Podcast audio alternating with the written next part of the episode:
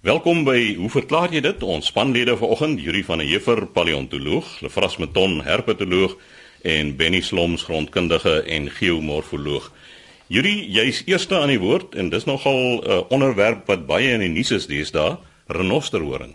Chris, 'n brief van Tassia Nolan van Betty's Bay handel inderdaad oor renosterhoring. Sy sê met die fokus op renosters en renoster stropery die week het ek gewonder hoe verskil die hoorn van renoster van die ander diere byvoorbeeld die blouwillebees en dan as daar geen wesentlike verskil is in die samestelling nie wat sy vermoed hoekom word net renosters uitgemoor en nie ander diere vir menslike gebruik nie? Nou Tassia dit is 'n baie goeie vraag.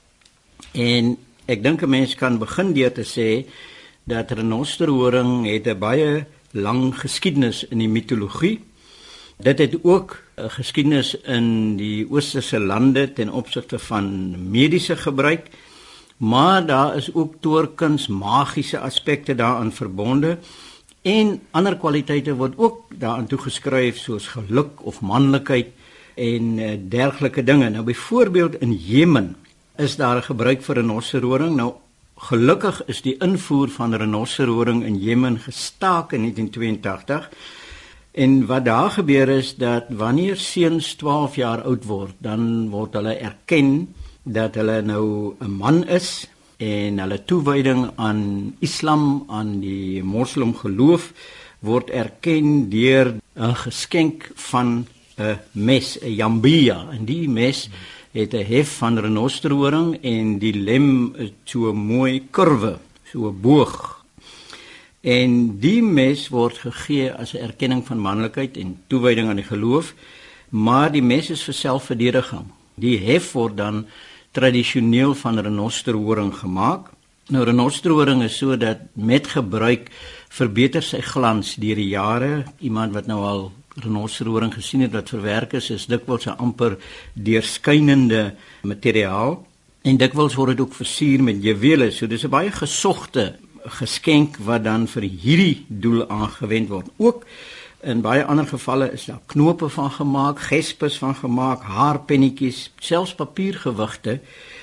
En iets wat nogal belangrik is dink ek en wat miskien betrekking het op wat jy gevra het, is dat renosterhoring word gebruik by plengoffers. Nou eh, 'n plengoffer tradisioneel kom uit Chinese, Griekse, Egiptiese kulture. 1000 jaar voor Christus is hierdie plengoffers al aangebied en dit is gewoonlik olie of wyn wat ter nagedagtenis aan of ter ere van iemand uitgegiet word by 'n seremonie. Dit is so 'n seremoniële rituele gedrag. Daar's 'n klassieke voorbeeld in die Griekse mitologie toe uh, Clytemnestra haar man Agamemnon met die byl bygekom het in die bad en hom doodgemaak het en die seentjie Orestes is toe weggestuur om in 'n ander dorp groot te word. Die suster Elektra, hy moes nou in die paleis bly. Dit het alles nou min of meer in die tyd van die beleg van Troje gebeur en uh, Later toe Orestes nou 'n jong man is, toe kom hy nou by die graf van sy pa om nou hulde te bring aan hom. En hier sien hy kom 'n groepie vrouens in swart aangetrek by die graf aan. En dit is toe nou die vrouens wat die plengoffer moet bring. En Elektra is toe onder hulle en op die ouend het sy toe vir Orestes beïnvloed. En hy toe nou sy ma en pa beide gaan doodmaak. So dis 'n tipiese Griekse tragedie. Nou die plengoffers is nou al gebring in China 1000 jaar voor Christus en dit word in 'n baie spesiale houertjie gehou. Uh, mens kan dit seker 'n plenghouer, 'n plengkoppie of 'n plengbeker noem. En in China is dit van renosterhoring gemaak. Dis ook uh, deesdae baie waardevol en van die afbeeldings wat ek al gesien het is die klein koniese bekertjie koppie is versier aan die buitekant met kerfwerk en dikwels is daar druiwe en eekorings uitgekerf op. En in die Chinese kultuur in die Ming dinastie het dit verband gehou met reproduksie en vrugbaarheid. So dit is moontlik dat hierdie assosiasie van renosterhoring en voortplanting en die konnotasie wat vandag daaraan geheg word al baie vroeg sy ontstaan daar gehad. Nou onlangs is daar van hierdie baie rar en skaars seldsame plengkoppies aangebied op die mark, op die kunsmark en daar is van hulle wat vir 'n miljoen dollar verkoop is. So hier is nou iets wat omtrent nie bekend was in die wêreld nie en skielik het dit 'n groot geldelike waarde en nou gaan almal seker hierdie goed wil namaak of opspoor en baie geld daarvoor betaal. Nou die vraag wat jy verder vra oor die renosterhoring, uh, renosterhoring bestaan primêr uit keratien uit. Dis 'n proteïen soos wat mense naels en hare en hoewe kry.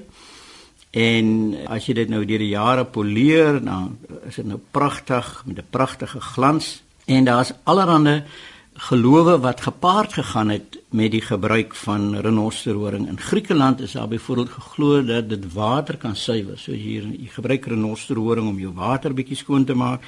In Persië 500 jaar voor Christus het die geloof ontstaan dat dit gif in 'n vloeistof kan aandui. En die idee het voortgeleef tot hier in die 18de eeu in die adelike families van Europa. Hulle dikwels dit probeer gebruik om aan te dui as in 'n vloeistof is, iemand probeer nou die heerser vergiftig en die uh, rede daarvoor is daar mag dalk 'n bietjie waarheid insteek want keratine is 'n proteïen en baie van die gewe wat gebruik word is alkalies en uh, dit is moontlik dat daar dan 'n chemiese reaksie tussen die proteïen en die alkalisiese gif kan wees en dan kry jy so 'n borreling wat aandui dat daar gif in is.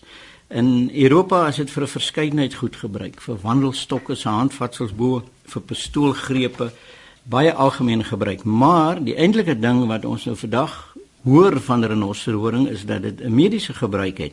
In Maleisië en Korea, Vietnam, Indië en China is dit gebruik vir die verligting van koors, reumatiek, jeug, slangbyt, pitswere, voedselvergiftiging, hoofpyn, hallusinasies, hoë bloeddruk en selfs tifuskoor. So dis een van daai goed waar daar soveel aansprake voor gemaak word dat 'n mens verseker kan wees dat dit nie werk nie.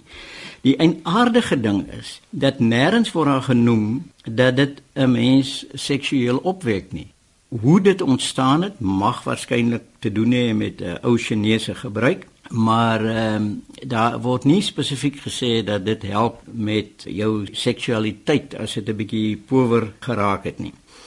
En as 'n mens nou 'n student is, dan voel jy dikwels baie sterk oor goed. Jy voel onregte moet op 'n manier bearbei word dat 'n mens weer wraak kry.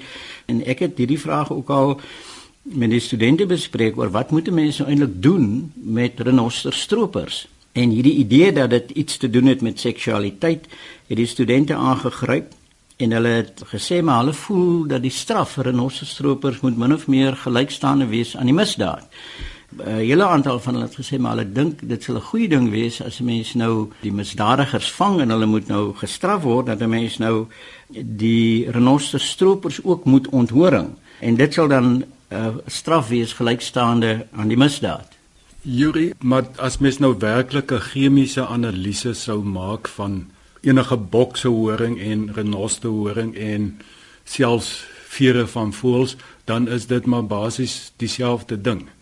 En dit gaan nie help om nou te sê maar kan ons dan nou nie maar bokhorings voorsien vir die mark nie. Dit gaan oor soos jy genoem het hierdie geskiedenis gekoppel aan renoster horing of dit nou werklikheid is of nie. Dit is waaroor dit gaan.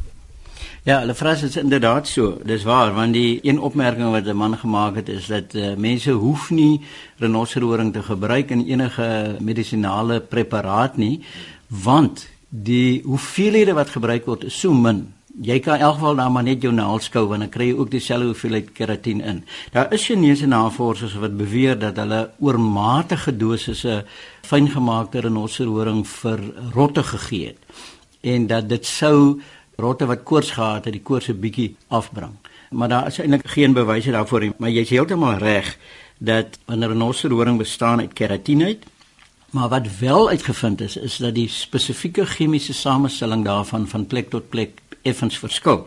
So daar's 'n ekoloog by die zoologiese vereniging van Londen, Raj Amin, en hy en sy medewerkers het uitgevind dat die omgewing waar die renoster vandaan kom en die soort voedsel wat die renoster spesifiek eet in watter kombinasies spore laat in die renosterhoring amper soos vingerafdruk. So hulle kan die renostermense help dat wanneer daar 'n renosterhoring gekry is, dan kan uh, hulle bepaal uit watter gebied dit gekom het, maar dit is sover dit gaan. Maar die nuutste navorsing oor renosterhoring is nogal interessant want Aanvanklik is daar gedink dat dit net 'n klomp saamgeperste hare is, wat dit nie is nie. Dis soliede keratin soos in die snavels van voëls en die hoewe van diere. Maar wat hulle wel gevind het met die analise van die renosterhoring is dat daar 'n kalsiumstaaf of 'n gedeelte in die middel van die renosterhoring amper soos die lood van 'n potlood wat in die renosterhoring oploop van kalsium en daarom is 'n uh, melanienskede wat dit beskerm teen die ultravioletstrale sodat die buitekant vir 'n renosterhoring die kan afbreek tot 'n mate en die gebruik van die horing deur te skuur en met ander renosters te kompeteer veroorsaak nou 'n diferensiële kragte op die horing en dit is die rede dan hoekom die horing so uitermate kromming het en omdat hy dan bo 'n uh, redelike skerp punt kan hê. En dis waar wat jy sê dat jy hierdie kulturele agtergrond lefras wat mense dwing om dit te doen. En 'n renosterhoring is nie snaaks nie. Daar's mense wat slanggif eet in die hoop dat wanneer die slang hulle dan byt, hulle sal immuun wees, maar slanggif is 'n proteïen, dit kom in jou maag aan word verteer. Dit werk nie so nie. Die goed is so diep in ons wese ingebed dat om dit te verander en daar moet ek met jou saamstem lefras gaan baie baie moeilik wees. So gesels Yuri van der Heever, ons paleontoloog, Lefras Meton, ons herpetoloog. Jy het 'n vraag ontvang oor die kalsiumopberging in die liggame van geitjies. Chris, ja, ek dink hierdie blaartoon geitjie wat hier in die Kaap voorkom is voorwaar een van die diertjies wat die meeste navraag uitlok. So Celestie de Kok van Somerset West navraag gedoen. Sy het sê sy het gesien van die die geitjies het sulke geel knoppe hier aan die kante van die nek en sy wil weet wat is daardie knoppe. Benny, as jy hierso kyk op hierdie foto, dan kan jy sien die knoppe daar. Die ander wat jy sien is eiers. Dit kom baie algemeen voor by geitjies dat hulle hierdie knoppe het. En daar's so 'n paar ander soorte akkedisse wat dit ook voorkom, maar hoofsaaklik by geitjies en dan is dit ook hoofsaaklik meer by die kleiner geitjies. Nou hierdie knoppe wat ons daar sien, dit is neerleggings van kalsiumkarbonaat en dit is baie belangrik by die voortplanting. Geitjies lê eiers, hulle lê harde dop eiertjies, net soos 'n hoene eier en kalsium is baie belangrik om daardie eierdoppe te produseer. Dan ook en dit geld vir al die diere wat eiers lê, ook voëls, dat daar moet kalsium in die dooier ook voorsien word. Veral dan nou by die diere waar die kleintjies as hulle gebore word volledig ontwikkel is, soos by geitjies, want kalsium is natuurlik 'n baie belangrike komponent van die skelet van beenvorming. En onthou daardie hele embrionale ontwikkeling vind volledig plaas in die eier en as daar nie genoeg kalsium is om 'n stewige skelet te vorm nie, dan gaan daardie kleintjie se uitbroei natuurlik probleme hê.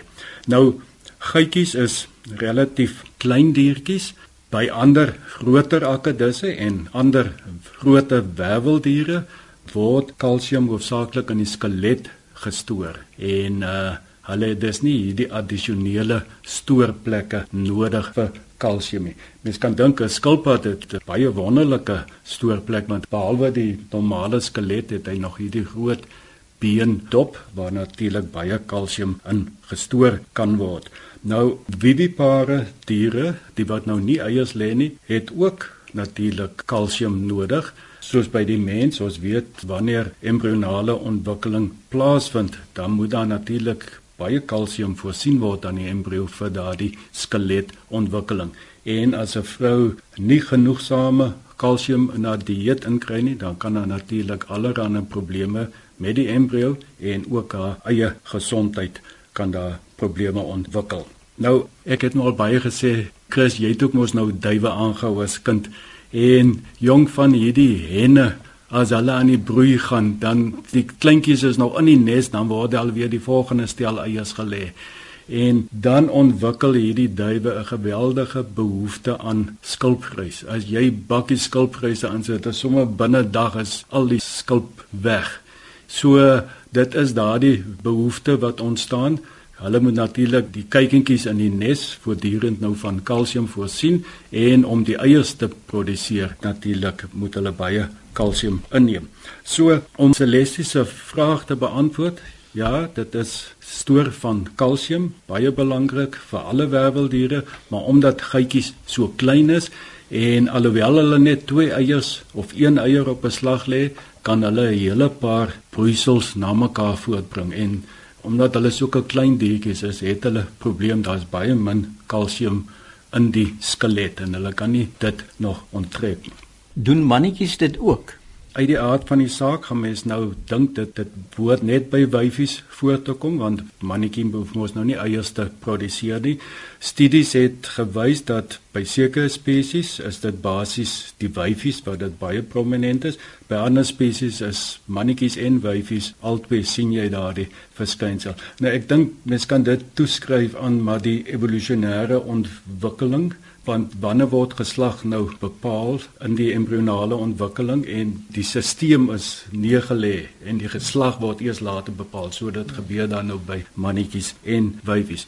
Dis natuurlik net kalsium wat gestoor word by diere nie daar's baie ander ons weet vet is natuurlik 'n baie belangrike ding wat gestoor moet word veral dan by seisonale diere. As mens nou so 'n geitjie kon oopsny Yuri doen dit baie dan sal mens binne in sien is daar twee vetliggame hier in die maag sulke pragtige geel oranje eh, liggaampies en dit is vet vetstore. En wanneer daar baie insekte is dan eet die geitjies baie en dan vir die maartye die droë tyd dan kan hulle hierdie vetstore gebruik.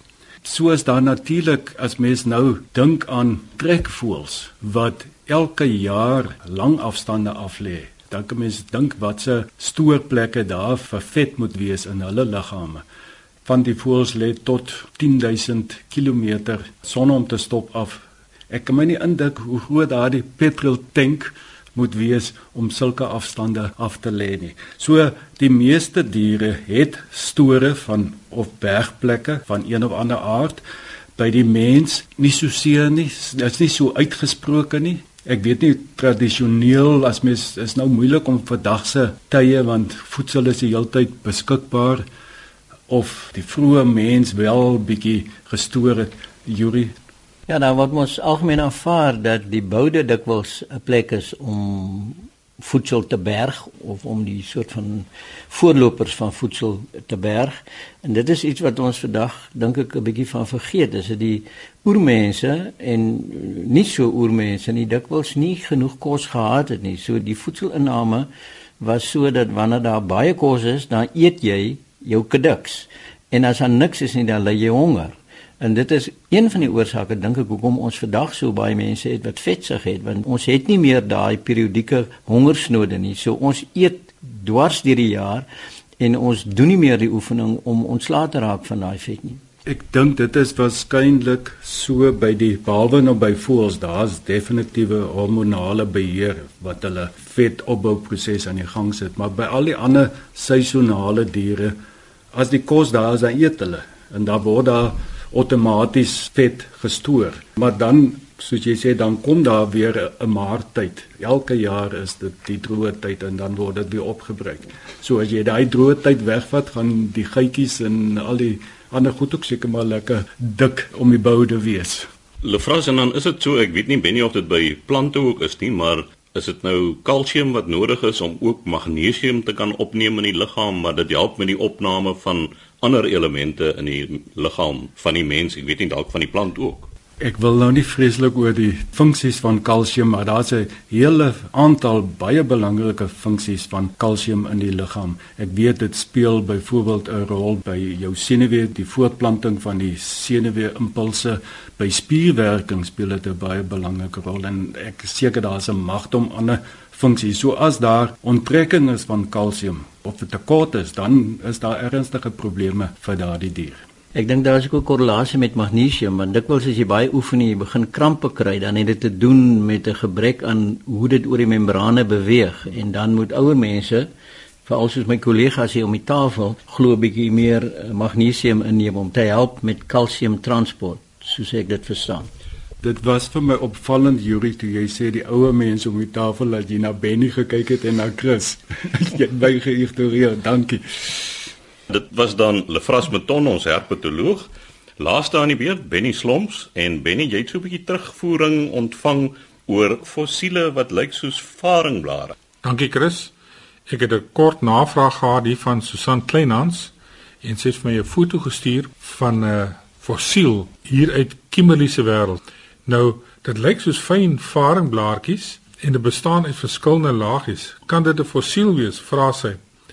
Nou, die meeste faringblaartjies wat ons kry in sandstene en modderstene is nie fossiele nie. Dit is bloot mangaan dendriete. Dit is mangaan wat saam met grondwater in die tussenlaagies inbeweeg.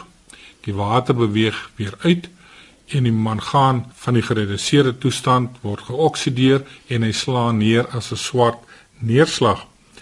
Nou, ek het hier 'n geologiekaart saamgebring en dit wys dat die dominante geologie in die omgewing van Kimberley is Ekaskalis en nie Beaufort waar mense hierdie tipe van ding sou verwag nie.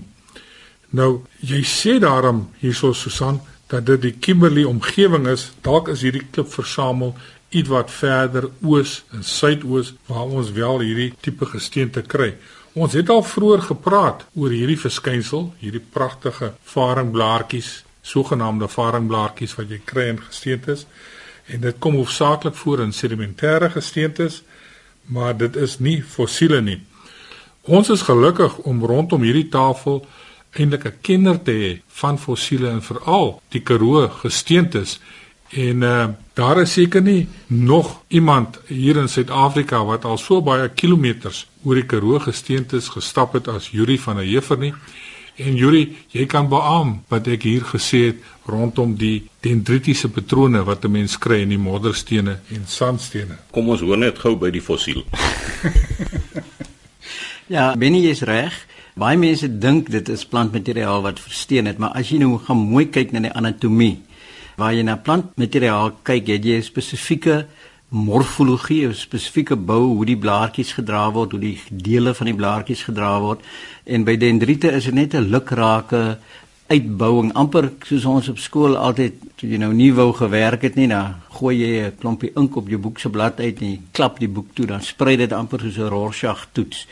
So kan 'n mens dendriete uitken en die feit as dit van die ekka afkom, ons ekka sedimente is hoofsaaklik deltaiese sedimente. Dis waar reuse riviere in die see geloop het, dis die riviere daar van Calvinia se kant af afgekom byvoorbeeld.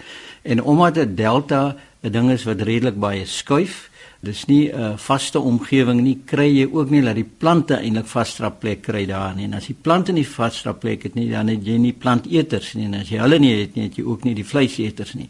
Nou dit sien jy wel in die groot Karoo waar jy nou riviere het standhoudende riviere gehad het met vloedvlaktes tussenin. So die ekka kry jy wel visse in maar dis baie skraps aan die ander soorte fossiele. Maar die dendriete is tipies van sulke presipitasie in krakies in die rotse. Dis net soos jy dit verduidelik het. My vraag sou wees hoekom vorm dit so? Hoekom is dit die kolletjies kolletjies? Hoekom is dit hierdie varingagtige patroon? Dit is die vloeibeweging van water in die tussenlaag in. As 'n mens praat van 'n dendritiese patroon, wil ek net vir die luisteraar sê, mense sien dit baie mooi aan die oppervlakte van uniforme gesteentes, soos byvoorbeeld die Karoo gesteentes. As 'n mens met 'n vliegtyg van Johannesburg na Kaapstad vlieg en jy kyk na die riviere en die vertakkings wat jy daar kry, dan is dit presies hierdie dendritiese patroon wat jy daar kry. Dis natuurlik op 'n makroskaal en net so kry jy dit ook op 'n mikroskaal. So dit beteken daar's 'n ingangplekkie waar die vloeistof inkom en dan soos ink nou dan sprei dit nou so in en dit gee dan nou daardie patroon. Daar's 'n tydsfaktor dan ook verbonde want dit beteken dat daai sedimentêre gesteente moes al reeds versteen het, hard gewees het, toegekraak het en toe dit ingevloei. En ons sien die kwartsiete van die Karoo is ook so, dis uh silikon wat in oplossing was teen 'n hoë temperatuur, ek dink omtrent rondom 600 grade Celsius wat dan in krake ingevloei het en gepresipiteer het.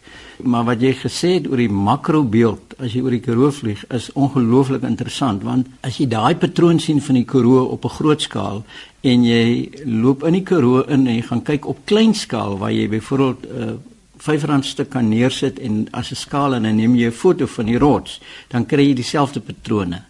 En as jy dit nou vergroot en op 'n skerm gooi en sê vir die mense maar dit is die slenktaal stelsel in Oos-Afrika dan knik almal hulle koppe tot jy die volgende skyfie wys en dan lê daar 'n R5 stuk en dan sien jy dis eintlik op 'n mikroskaal. So die fisieke omstandighede wat daai omgewing skep, lyk dit asof dit op alle vlakke werk. Dit is amper soos fraktale.